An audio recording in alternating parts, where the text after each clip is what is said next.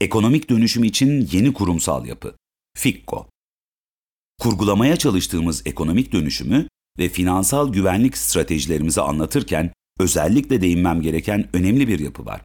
Finansal İstikrar ve Kalkınma Komitesi FİKKO.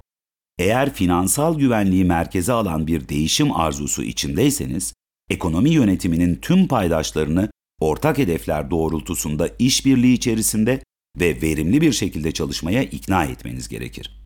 Ancak göreve geldiğimizde değişim sürecinde kritik roller üstlenmesini beklediğimiz kurumlar arasında iletişim ve koordinasyon anlamında önemli eksiklikler olduğunu, kurumların pek çoğunun kendi kabuğuna çekildiğini gördük. Bakanlığımız döneminde ortaya koyduğumuz değişim idealine ve finansal güvenlik perspektifimize FİKKO çatısı altında kurumsal bir çerçeve kazandırdık.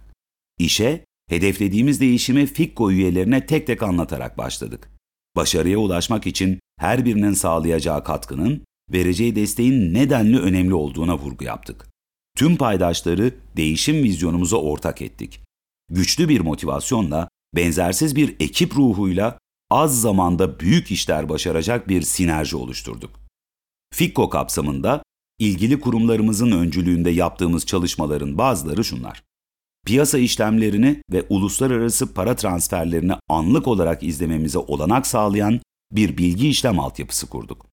Döviz, para, sermaye ve bankacılık piyasalarında manipülasyonun ve piyasa bozucu faaliyetlerin engellenmesi konusunda tedbirler geliştirdik ve mevzuat değişikliği önerileri hazırladık. Borsa İstanbul bünyesinde oluşturduğumuz swap piyasasıyla bankalarımıza Londra'ya gitmeden ülke içinde para takası işlemleri yapabilme imkanı sağladık. Yurt dışı ile yapılan swap işlemlerine getirdiğimiz sınırlamalar sayesinde kısa vadeli swap işlemlerinden kaynaklanan kur riskini asgari düzeye indirdik. Büyük kısmı yurt dışında bulunan fiziki altın rezervlerimizi Türkiye'ye taşıdık ve Merkez Bankası rezervlerimizin içinde altının payını arttırdık. Kullanımı dünyada ve Türkiye'de hızla artan kripto paralara yönelik kapsamlı bir stratejik eylem planı ve düzenleme çerçevesi hazırladık. Konut ve otomobil finansmanında vatandaşlarımıza hizmet veren faizsiz tasarruf finansman şirketlerini BDDK denetimi altına alan bir düzenleme hazırladık. Mali sıkıntı içerisindeki firmaların borç yapılandırmalarını desteklemek amacıyla bir finansal yeniden yapılandırma kanunu hazırladık. Bankacılık sektörünün mali bünyesini koruyucu ve güçlendirici bir takım tedbirleri devreye aldık. Banka ücret ve komisyonlarında düzenleme yaparak 2000'in üzerindeki komisyon adedini 63'e indirdik.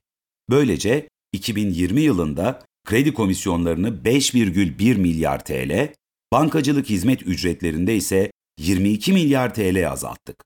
Bu yüklü miktar şirketlerimizin ve vatandaşlarımızın cebinde kaldı. Kamu bankalarının ortak ATM ve ortak kredi kartı kullanımına dair projeler oluşturduk.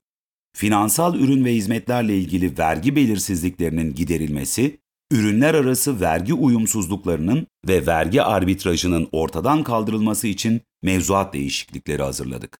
Bireysel emeklilik sisteminin büyümesinin önündeki engelleri gidermeye yönelik olarak kapsamlı bir eylem planı oluşturduk. Yurt dışında yaşayan vatandaşlarımızın ve 18 yaşının altındaki vatandaşlarımızın sisteme dahil edilebilmesi için mevzuat değişiklikleri hazırladık. Yurt içi tasarrufları arttırmak amacıyla ücretlilere yönelik olarak tamamlayıcı emeklilik sistemi adında ikinci basamak bir özel emeklilik reformu hazırladık. Tapu harçları ve emlak vergilerinin taşınmazların gerçek değerleri üzerinden alınmasına yönelik olarak öneriler hazırladık. Teminat değerleme konusunda yaşanan çıkar çatışmalarını önlemek, gayrimenkul değerleme şirketlerine yönelik gözetim ve denetim faaliyetlerini gidermek amacıyla ikincil mevzuat düzenlemeleri yaparak uygulamaya aldık. Tüm bu adımlarla ve çok daha fazlasıyla istikrarlı ve güvenli bir finansal sistemin regülasyon altyapısının temellerini atmış olduk.